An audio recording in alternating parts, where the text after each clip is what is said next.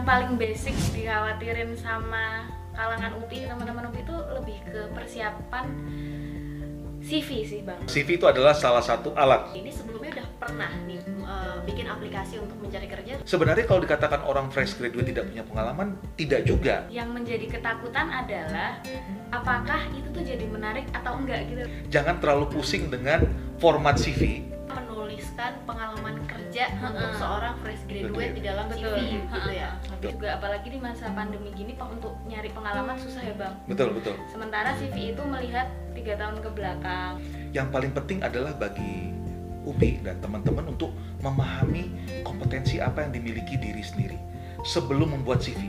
Tapi harus diingat bahwa CV itu semacam surat undangan ya uh, kepada organisasi coba undang saya inilah uh, kompetensi yang saya miliki, pengalaman saya sehingga apa nanti manfaatnya bagi organisasi. Berarti Mereka memang tidak punya pengalaman kerja, iya.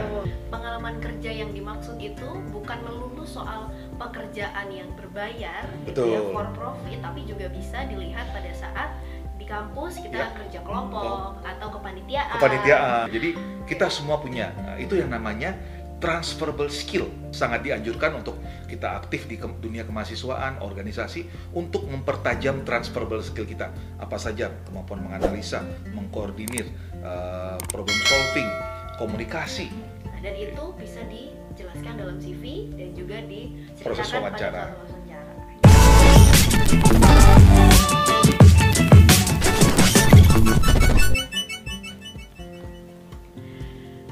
Dari Rumah Gambir Yogyakarta, saya Anissa Briliani di Leadership Toolbox Podcast bersama dengan Ronald Tuhatu, seorang psikolog organisasi dan konsultan sumber daya manusia.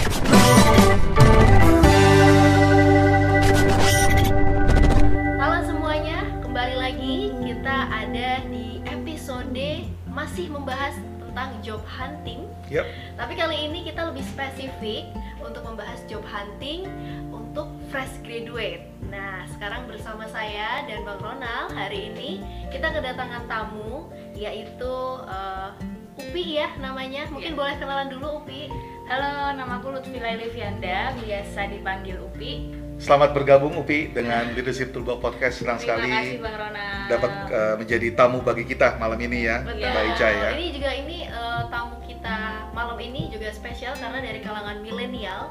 Jadi mungkin bisa menjawab pertanyaan atau eh, ini ya pengen tahu nih kalau dari perspektifnya fresh graduate itu apa sih yang jadi momok atau apa sih yang bikin eh, penasaran tentang job hunting atau dalam pencarian kerja gitu ya Upi ya. Betul. Nah, tapi sebelumnya pengen tanya nih sama Upi. Upi sekarang ada di tahun terakhir Betul, tahun terakhir kuliah semester 8. Oh, jadi on track ya. Yes, Semester ini targetnya lulus. betul. Jadi semester depan bisa Mencari pekerjaan. Mulai job hunting. Mulai mulai job Mulai job hunting, hunting. oke. Pas ya jadi Pas, ya. Pas nih nih Ya, persiapannya nih. Bisa bisa dapat narasumber yang ahli. ahlinya Konon kabarnya. jadi nanti bisa langsung tanya aja nih mungkin Upi. Tapi mungkin eh, untuk membuka ya, ini Hmm. ada nggak satu eh, satu hal yang Upi penasaran banget nih tentang eh, job hunting. Satu pertanyaan dulu deh sebagai membuka. Satu pertanyaan. Apa Pi? Eh yang paling basic dikhawatirin sama kalangan UPI teman-teman UPI itu lebih ke persiapan CV sih bang. Oh, Oke, Nah, baik ya. Mempersiapkan dokumen untuk melamar pekerjaan awal kan CV nih. Ya, betul. Nah itu sih yang masih jadi pertanyaan besar. Ya. Ya, memang eh, CV itu adalah salah satu alat. Saya bilang salah satu alat untuk kita diundang oleh perusahaan atau organisasi apa pun untuk diwawancara. Nah, jadi memang eh, memiliki CV yang dapat menggambarkan UPI dengan skill dan kompetensinya akan sangat bermanfaat sehingga perusahaan akan memilih atau mengundang UPI untuk proses berikutnya. Tapi harus diingat bahwa CV itu semacam surat undangan ya eh, kepada organisasi coba undang saya inilah eh, kompetensi yang saya miliki, pengalaman saya sehingga apa nanti manfaatnya bagi organisasi. Ya memang banyak juga yang bertanya soal CV gitu.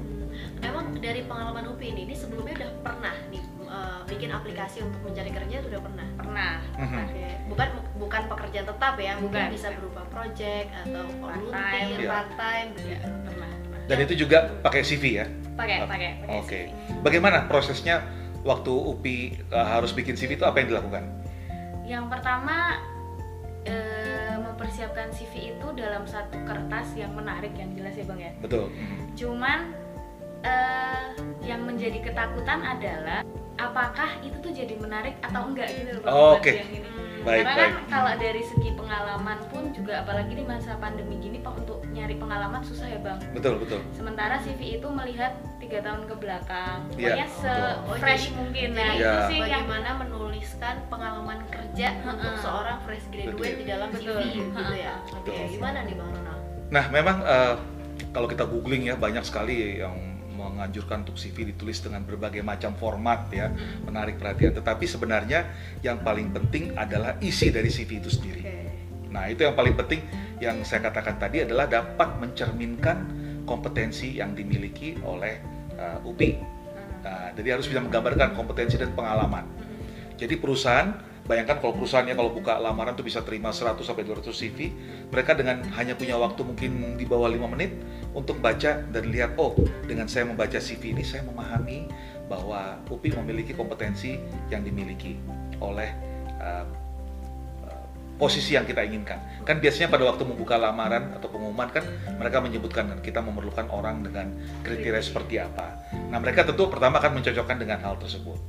Nah, memang ini eh, yang kemarin pernah kita kami kami bahas juga dengan Mbak Ica, yang paling penting adalah bagi UPI dan teman-teman untuk memahami kompetensi apa yang dimiliki diri sendiri sebelum membuat CV. Jadi jangan terlalu pusing dengan format CV ya, tapi yang penting adalah apa yang mau diisi terlebih dahulu. seringnya Nah. itu sih bang. Nah, itu. Jadi ini ya apa namanya terjebak di desain desain CV-nya malah. Iya. ya padahal Terjebak. bukan itu ya bukan ya yang paling penting bukan desainnya tapi yang paling penting apa ap- apa sih yang bisa saya baca dalam waktu lima menit? Oh CV ini menunjukkan misalnya UPI bisa menggunakan komputer bisa pakai PowerPoint bisa pakai Excel kemampuan berkomunikasi yang baik seperti apa. Nah itulah fungsi dari CV makanya paling penting adalah mengadakan uh, assessment self assessment terlebih dahulu sebelum membuat CV saya ini memiliki apa? Dan bagaimana cara self assessment bisa dengan bertanya kepada rekan-rekan yang sering bekerja sama. Mungkin dulu waktu kerja kelompok waktu kuliah ya kerja kelompok bersama atau waktu ada proyek atau ada kegiatan ya kegiatan dengan di kampus ulang tahun kampus kamu jadi ketua panitia. Nah itu kan juga. Jadi sebenarnya kalau dikatakan orang fresh graduate tidak punya pengalaman tidak juga. Mereka memang tidak punya pengalaman kerja iya. Terutama yang berbayar gitu ya, yang Iya. for profit. Tetapi kan kamu punya kegiatan kelompok, waktu diskusi kelompok, itu kan juga kemampuan berkomunikasi, Iya. ya kemampuan problem solving, menganalisa, ya. Kemudian kalau kamu jadi panitia, nah panitia ulang tahun Dies Natalis kampus misalnya, nah itu kan bagaimana kamu harus mengumpulkan rekan-rekan untuk jadi panitia. Nah ini tentunya juga merupakan pengalaman sebenarnya. Nah, jadi sebenarnya banyak, bahkan secara sederhana ya. Saya pernah kasih contoh gini ya. Katakanlah Upi ini anak paling tua ya di keluarga. Terus punya lima atau enam ponakan. Katakanlah nih ya. Terus diminta sama eh, kakak-kakaknya Upi, "Eh, Upi tolong bawa dong ponakan-ponakan ini ke mall, mau makan mereka. Nah, ketika mau makan, Upi tanya, pada mau makan apa? Saya mau makan ini, Bude. Saya mau makan itu. Nah, bagaimana Upi bisa dari lima Mengkoordinir orang ya, ah mengkoordinir itu itu ke- kepemimpinan nah kan mau makan apa? Jadi akhirnya kita ke mana? Kita ke food court karena di sana ada bakso ada soto ya dan dekat bisa satu meja itu sama-sama relevan untuk ditulis di CV sebagai kompetensi atau diceritakan aja diceritakan. ya itu contoh ekstrim saya dari saya bahwa saya mengatakan bahwa semua orang memiliki Ya. pengalaman. Ya jadi jangan jangan mengatakan bahwa saya tidak punya pengalaman. Punya pengalaman tetapi bagaimana kita mengorganisirnya dan juga nanti oh, bisa men- me- menerangkan pada waktu kita wawancara Oke, berarti pengalaman kerja yang dimaksud itu bukan melulu soal pekerjaan yang berbayar gitu ya Betul. for profit, tapi juga bisa dilihat pada saat di kampus kita Ya. kerja kelompok atau kepanitiaan. kepanitiaan Lalu mungkin ada proyek dengan dosen, Sen- gitu betul, ya, Bang, jadi ya. asdos, gitu. Ya.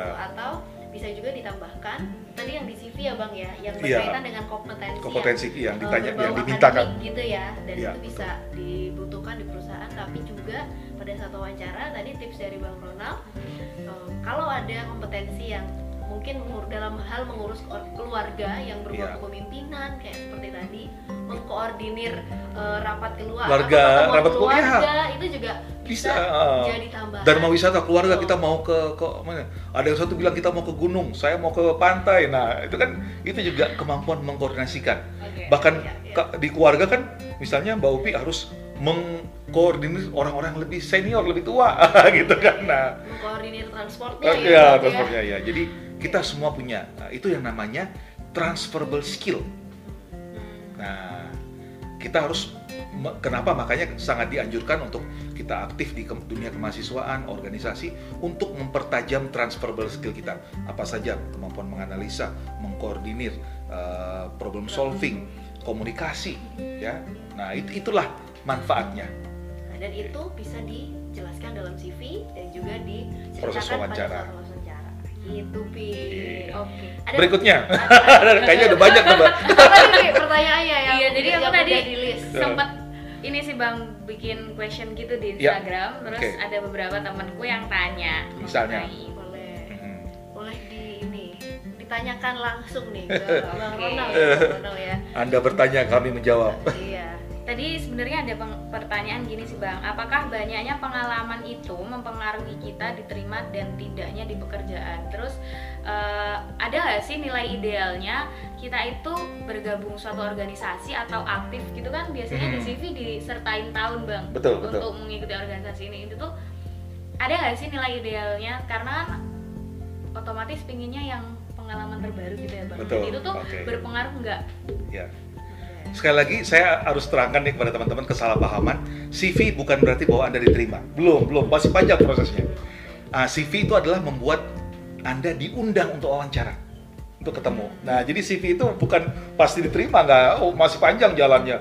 Belum negosiasi gaji nantinya kan. Nah, jadi CV dibuat semenarik mungkin ya, dengan isi yang relevan dengan pekerjaannya, eh, persyaratan yang diminta. Dan tadi keaktifan itu banyak membantu nanti pada waktu proses wawancara. Nah, jadi CV itu lebih pada membuat oke, orang ini memenuhi syarat minimal yang kita perlukan. Nah, jadi yang penting kita ada tahapannya. Pertama, saya memberikan CV untuk saya diundang wawancara. Nah, itu jadi itu fungsi CV yang harus saya jelaskan lagi. Ya, saya pengalaman kerja di organisasi udah hampir 20 tahun. Jadi CV itu adalah oh ini orang ini bagus, kita undang. Ya. Nah, bukan berarti CV ini bagus diterima kerja nggak ada belum wawancara belum eh, negosiasi gaji. Siapa tahu kamu nggak cocok, Biasanya ya kan? perusahaan juga mengkonfirmasi lagi di wawancara. Betul. Atau bisa juga ada tes-tes lain ya, Tes Bang? lain ya, ya. Jadi tes-tes masih panjang lain. jalannya. Jadi eh, CV fungsinya adalah bagaimana membuat anda dipilih untuk datang dan wawancara. Itu dulu. dipilih itu dalam artian kata kita memperbaiki CV dengan pintar-pintar ngolah kata di CV-nya atau Ya, dengan kita memang butuh pengalaman bang Eh, pengalaman memang diperlukan ya, tapi kan kalau eh, memang perusahaan membuka kesempatan kepada orang fresh graduate, tentunya mereka tahu bahwa orang ini fresh graduate. Nah, kita bisa kasih pengalaman pada waktu yaitu di kampus, pengalaman organisasi, bisa bisa saja Anda menjadi ketua diskusi, eh, itu kan kepemimpinan juga ada di sana. Jadi bisa kita jelaskan di situ Anda em, eh, ikut lomba eh, apa UN model di, ma- di, di mana gitu ya. Nah, itu bisa di, ditera- dijelaskan sebagai eh, portfolio apa yang telah kamu lakukan pengalaman. Ya, atau kalau mahasiswa pariwisata seperti UPI itu kan pasti udah tour leading ke mana-mana Ya, ya. menjadi tulis Ya, ke mana, nah itu bisa juga. dimasukkan. Ya. Itu dituliskan nah, apa yang mungkin ya kalau banyak ambil yang paling eh, terbaru, misalnya dua atau tiga tahun terbaru.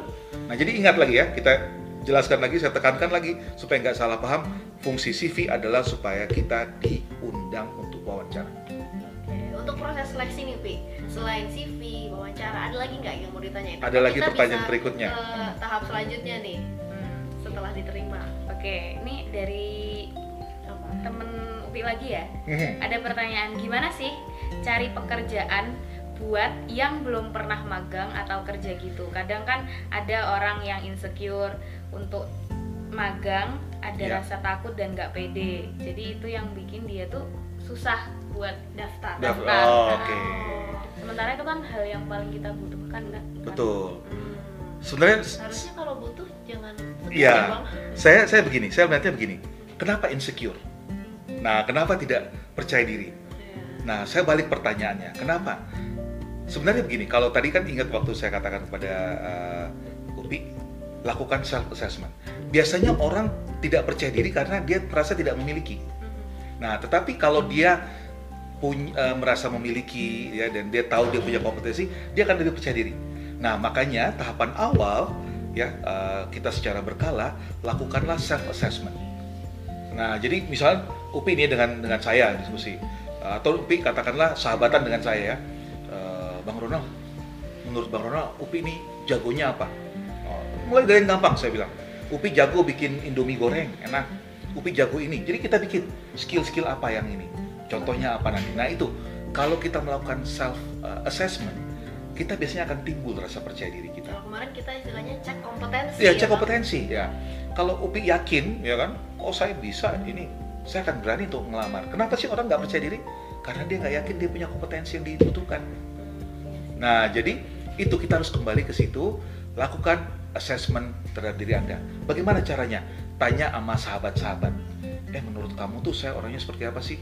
Saya bagus nggak berkomunikasi? Ah, kamu tuh kalau dikritik suka ini nggak mau terima.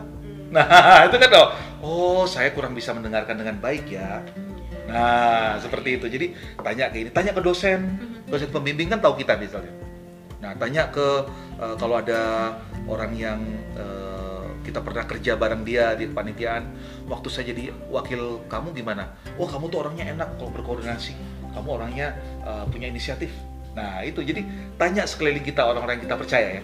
Jangan orang yang menjatuhkan kita, tapi orang yang kita percaya. Jadi keluarga juga bisa ya. keluarga bisa yang Keluarga, tahu teman, tanya atau- tapi kadang kalau dengan orang tua kan ibu atau bapak atau kakak kasihan yang terus saya kasih tahu yang sebenarnya dia malah patah hati dia nah jangan Jadi, tanya aja ke orang lain yang yang pernah bekerja teman kelompok misalnya Oke. "Eh, gimana kalau saya oh kamu kalau ada orang berbeda pendapat kamu mau kok mengubah pendapat kamu asal ada data? Nah seperti itu. Jadi saya me- me- melihat bahwa ketidakpercayaan diri itu biasanya muncul karena tidak yakin dengan dirinya.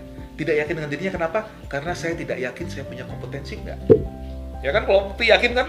Wah mau lawan siapa aja ke perusahaan mana aja datengin ya kan? Ya, mungkin mungkin kalau di fresh graduate itu mungkin malu-malu ya bang. ya malu-malu ya karena itu karena Iya. kita kan selama di kuliah atau di ini ya tidak pernah diajarkan kan bagaimana memahami diri sendiri kan nah jadi kita se- sering kali minder ya orang kalau takut minder kan bisa nggak aku ya nah gitu kan Ya. Jadi Ya. untuk tahu diri kita sendiri, mungkin selain self assessment kita yang menilai, jangan lupa juga untuk Tanya bertanya orang lain. uh-uh, Ya. ke orang lain. Setidaknya itu ada yang mengkonfirmasi bahwa iya kita Hmm. itu punya skill ini. Oh, bahkan iya. kalau perlu cari orang yang kritis sangat kritis terhadap kita nah jadi itu kan lebih bagus jadi tapi kita jangan bawa ke hati Oke. Ah, itu malah bagus. Oke. Oh iya, oke, makasih. Nah, biasanya orang-orang kritis itu mereka juga akan jujur memberitahu "Eh, Upi itu kurangnya di sini, Pi. Nah, tapi Upi kelebihannya adalah Upi bisa nih berkomunikasi dengan baik. Kalau Upi itu eh, di Instagram tuh eh, postingannya positif, enak orang dengarnya. Nah, itu kan oh iya ya, saya saya saya bisa jadi influencer. gitu. itu tadi seleksi ya Pi ya. Iya. Yang berkaitan. Ada lagi nggak pertanyaannya? Biasanya itu kalau fresh graduate itu Bang Ronald, Iya. kadang eh, kalau seleksi tadi itu ya tadi udah disampaikan Hmm. Atau nggak ngerti nih cara nulisnya seperti apa. Betul. Padahal betul. yang namanya pengalaman bekerja Iya. bukan yang dibayar aja, tapi eh, kerja-kerja sukarela, sukarelawan. Iya, semua Iya. hal yang Atau ber- pernah jadi asdos, asisten Hmm. dosen, Iya. itu juga adalah salah satu pengalaman bekerja. Nah, selain itu biasanya fresh graduate juga suka eh, apa ya? Mungkin belum karena belum pernah melamar, melamar kerja Hmm. sebelumnya, jadi dalam merespon tentang gaji biasanya Iya. bang. Itu itu jadi ini juga nih bingung gitu ya. negosiasi gaji ya. Betul betul. Ah. Ada nih pertanyaan tentang Ya, itu.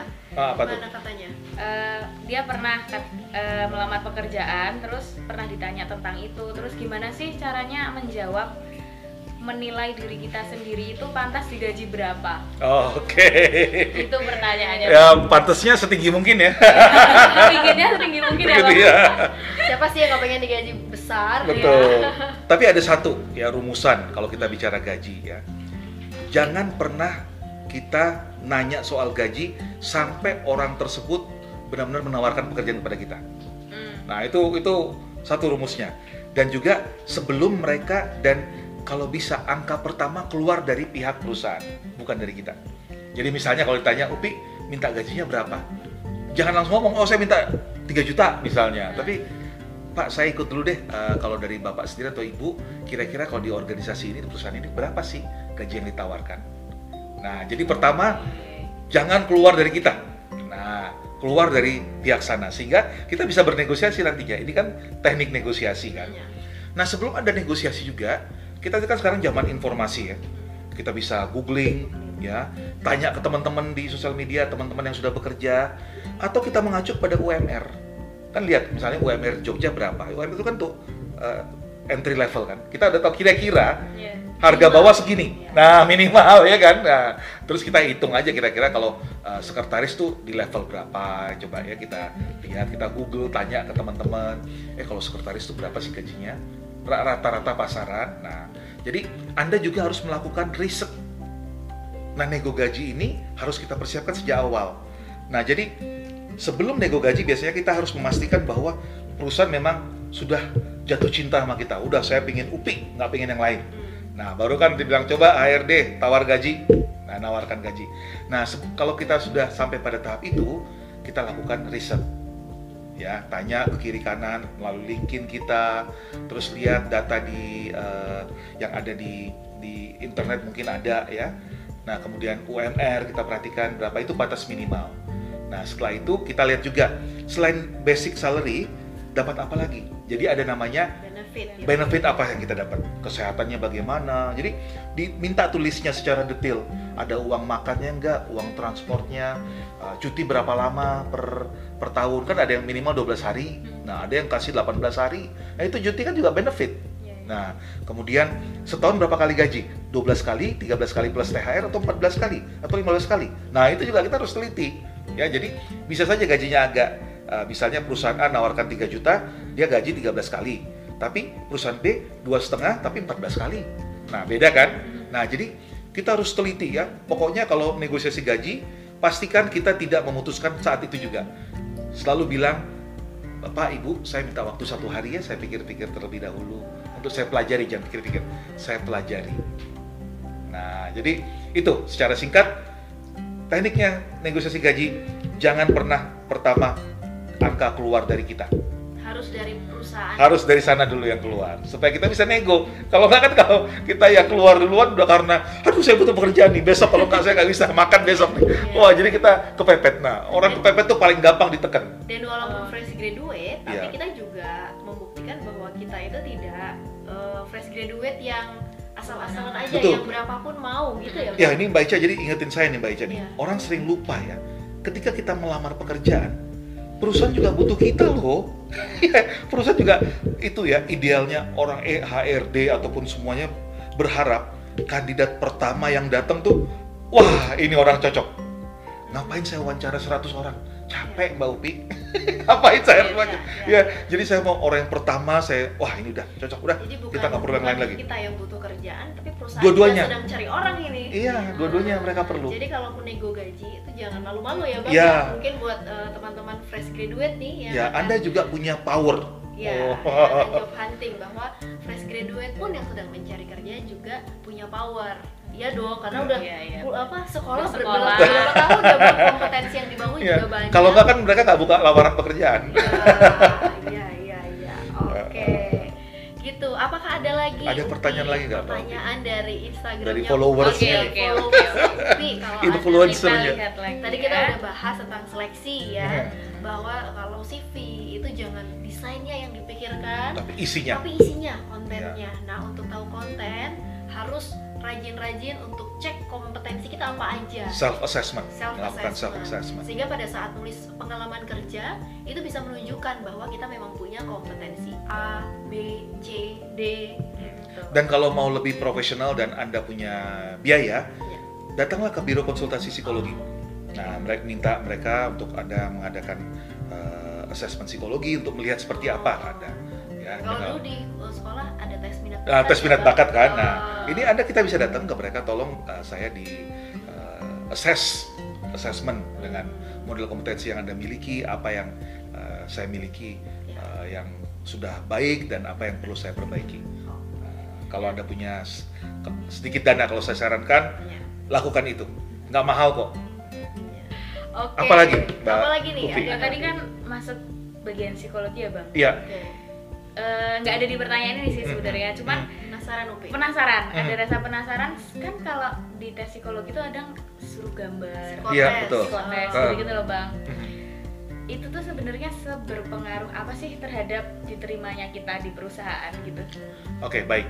Jadi saya sering kali juga mendapat pertanyaan yang sama dan itu menjadi momok juga ya, Mbak Ica ya. Iya, iya. Wah, Momok saya sih saya nggak lulus psikotesnya.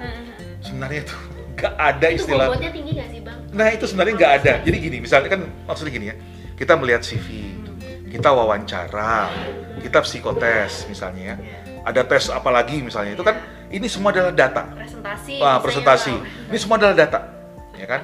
Nah tetapi data yang paling besar itu adalah wawancara kalau menurut saya. Hmm. Nah wawancara, psikotes itu adalah untuk mengkonfirmasi biasanya sebagai alat pembanding. Nah, psikotes. Kalau saya nggak yakin dengan Ya. kemampuan uh, beradaptasi misalnya, saya mau melihat bagaimana melalui psikotes. Ya.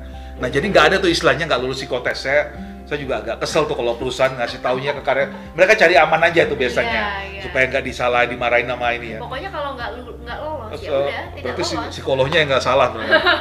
jadi kambing hitam. Nah, Soalnya sering tuh bang, Hmm. kayak misalnya di thread-thread Twitter gitu ya, ada tips and trick mengerjakan apa tes psikolog. Kamu gambarnya gambar pohon ini aja, terus rumahnya yang pintunya terbuka supaya ini itu itu sebenarnya beneran Nah, sih, Bang? saya juga sebagai seorang psikolog Nah, yang sudah pengalaman psikolog. 20 tahun lebih ya. Ya kita tahulah kalau orang merekayasa hasil tes ya atau merekayasa jawaban, nah kita bisa ngelihat lah. Sama kalau Mbak Upi juga di bidangnya, tahulah kalau orang tuh wah ini sih bukan as ini ya, bukan sesuatu hal yang uh, sebenarnya gitu ya. Kita bisa lihat. Jadi kalau menurut saya dan kita para psikolog selalu menyarankan tampil apa adanya. Jangan direkayasa karena kita akan tahu. Ya. Dan sebenarnya persiapan psikotes itu paling gampang, persiapan mental ya. Anda tidur nyenyak, tidak ada masalah yang di rumah atau dengan pacarnya atau dengan siapa, tenang datang, terus akan ikuti dengan baik. Psikotes itu ada dua, satu mengukur kepribadian dan satu mengukur eh, kemampuan eh, prestasi. Dan dua-duanya tidak perlu direkayasa. Nah, karena kalau merekayasa itu berarti Anda bukan tampil sebagai seorang apa adanya. Dampak-dampaknya nanti kalau Anda salah masuk kerja, ya kan Anda nggak suka nanti pekerjaannya, Anda akan menderita. Nah, jadi kalau saran saya, kalau ada di, di Twitter atau di mana dia bilang, oh harus bergambar ini, udahlah nggak usah deh. Kita tahu, kita psikolog tahu kok nanti. Nah, lebih baik Anda tampil apa adanya. Nah, tampil apa adanya, persiapan dengan baik, tenang ya, dan tidak terburu-buru mengerjakan. Ja- eh, datang ke eh, waktu tesnya 15 menit sebelumnya supaya apa? Supaya tenang. Nah, kalau Anda tenang, Anda akan tampil dengan puncaknya.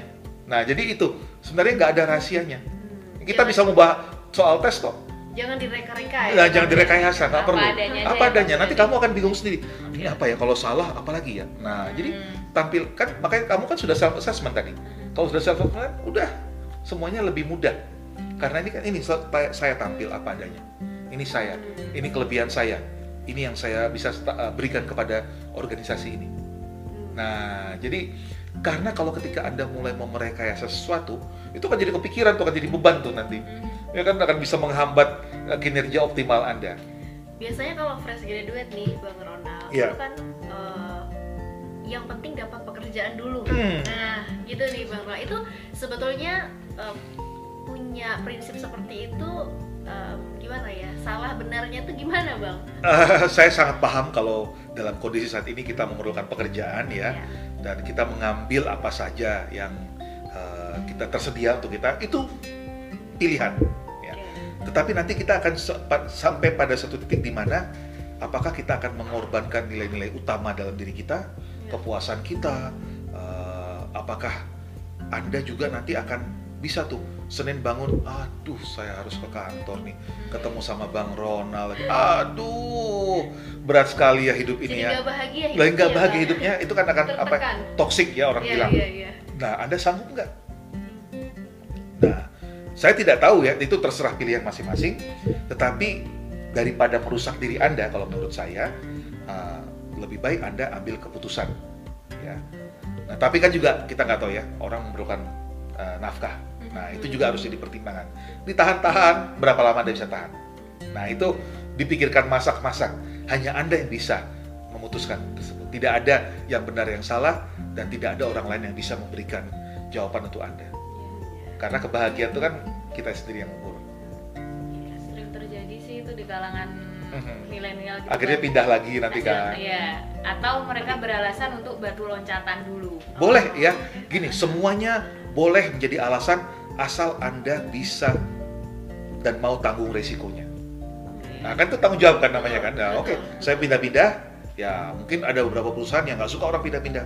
Iya. Nah, tapi ya nggak apa-apa, udah itu pilihan saya. Saya cari perusahaan yang mau terima orang pindah-pindah misalnya. Tapi hati-hati juga ya sebagai kita yang uh, Mhm. bekerja, kita pekerja kalau misalnya pindah-pindah gitu bias bisa biasanya ada kom, apa semacam kayak penalti Pertanyaan. atau apa. Ah, gitu. kalau di kata dinas ada atau apa ya, yang kita- kita- kita tanya. juga Oh ya, pada waktu nanti uh, tanda tangan surat kerja itu lamaran apa, uh, diperhatikan semua klausulnya. Ya, lihat harus berapa lama minimal, apakah ada ikatan dinas atau ada apa. Nah, itu harus dibaca dengan jelas. Makanya waktu saya bilang kan, kalau negosiasi gaji dan segala macam offering letternya, bawa pulang ke rumah dulu. Nah, dibaca, tanya sama orang yang tahu, Wah, teman-teman yang punya pengalaman di HRD nih, boleh nggak nih? Kan kayak uh, masa percobaan kan tiga bulan, jangan sampai nanti ada perusahaan bilang enam bulan, nah, boleh apa enggak tuh?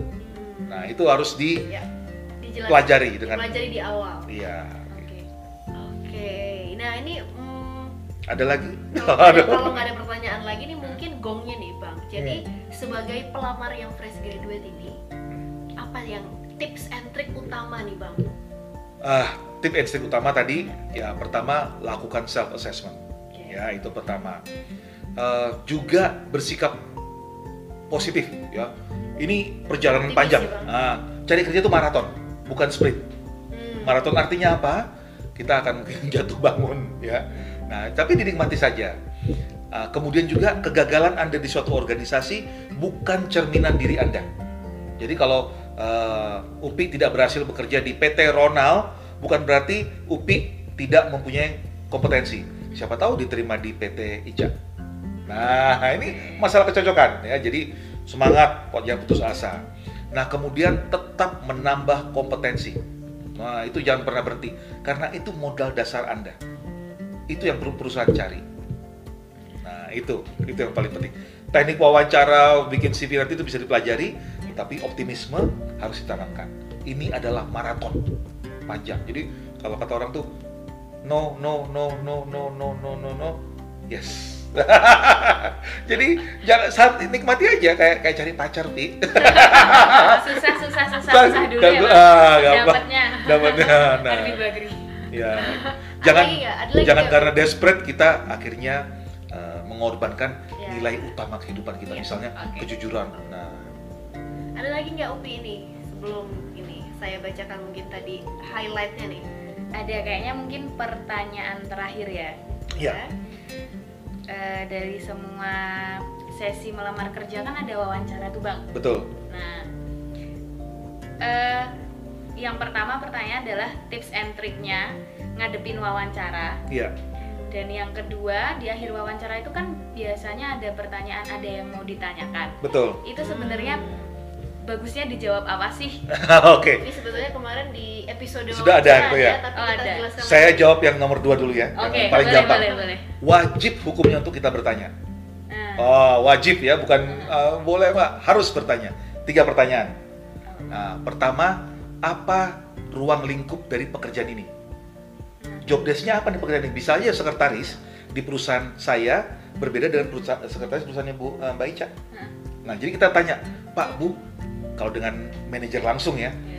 pekerjaan ini apa sih skopnya, ruang lingkupnya? Eh, Nah, jangan programmer di sini beda nanti. Programmer ada yang ketemu dengan uh, na- uh, customer, ada programmer yang hanya kerja aja. Nah, ya pertama ya tanya ya ruang lingkup pekerjaan. Kedua, tanyakan, Pak, gimana rasa ibu dan ibu rasanya kerja di perusahaan ini? Nah, kita mau tahu apa budaya organisasi di sini. Yang ketiga, dengan manajer langsung misalnya, Pak dan Ibu, bagaimana gaya kepemimpinan Bapak dan Ibu? Nah, kita terus tahu kan bos kita seperti apa. Kalau bosnya kerjanya eh, apa? Nah, nunjuk-nunjuk marah-marah terus, wah repot kita. Biasanya kalau per- saya yakin tiga pertanyaan ini akan dijawab. Ini pertanyaan mudah, nggak sulit. Itu bukan hal yang rahasia bagi Bukan tabu, nggak ada. ya. Hmm. Jadi wajib hukumnya nanya. Ya, jadi itu pertanyaan yang kedua ya. Jadi wajib nanya dan tiga pertanyaan tersebut. Kemudian pertanyaan pertamanya tips dan triknya apa? Tips yang utama adalah jadilah diri kita sendiri. Karena jadi makanya saya bilang tuh itu adalah rentetan. Tadi Anda melakukan self assessment terhadap diri, dibikin di CV, kemudian wawancara. Nah, tampilkan diri kita se- seoptimal mungkin. Dan dalam proses wawancara itu kita menjawab pertanyaan ya dan juga memberikan bukti-bukti kita melakukan kinerja tersebut. Teknik wawancaranya adalah di mana si perusahaan akan menggali data-data apa yang kita lakukan. Tapi intinya jadilah diri kita sendiri dan kita ungkapkan apa yang kita detil-detil pekerjaan yang pernah kita lakukan. Nah itu tips yang pertama dan trik yang paling utama untuk wawancara. Oke, udah ya. Ya, Oke. terima kasih banyak loh Mbak Upi ini saya dapat Iya, banyak Ini kita tambahan juga pengalaman. Bang Ronald, Iya. Saya Eja. beruntung Hmm. eh, ada waktu untuk mendatangkan milenial yang sedang mencari pekerjaan fresh grad dan semoga topik hari ini job hunting untuk fresh graduate ini bisa bermanfaat bagi eh, teman-teman yang dengerin Leadership Toolbox podcast episode hari ini. Ya semoga Mbak Upi juga dapat dapat pekerjaan Amin. Lulus Dan dulu, lulus dulu ya, oke. dan teman-teman juga ya dapat pekerjaan yang sesuai Ah. dengan nilai utama dalam diri teman-teman. Oke, baik kalau begitu eh, kita akhiri episode kali ini. Semoga bermanfaat. Sampai ketemu lagi di episode-episode berikutnya. Saya Anissa Briliani Saya Ronald Tuhatu, Saya Lutfi Laili. dalam Leadership Toolbox Podcast.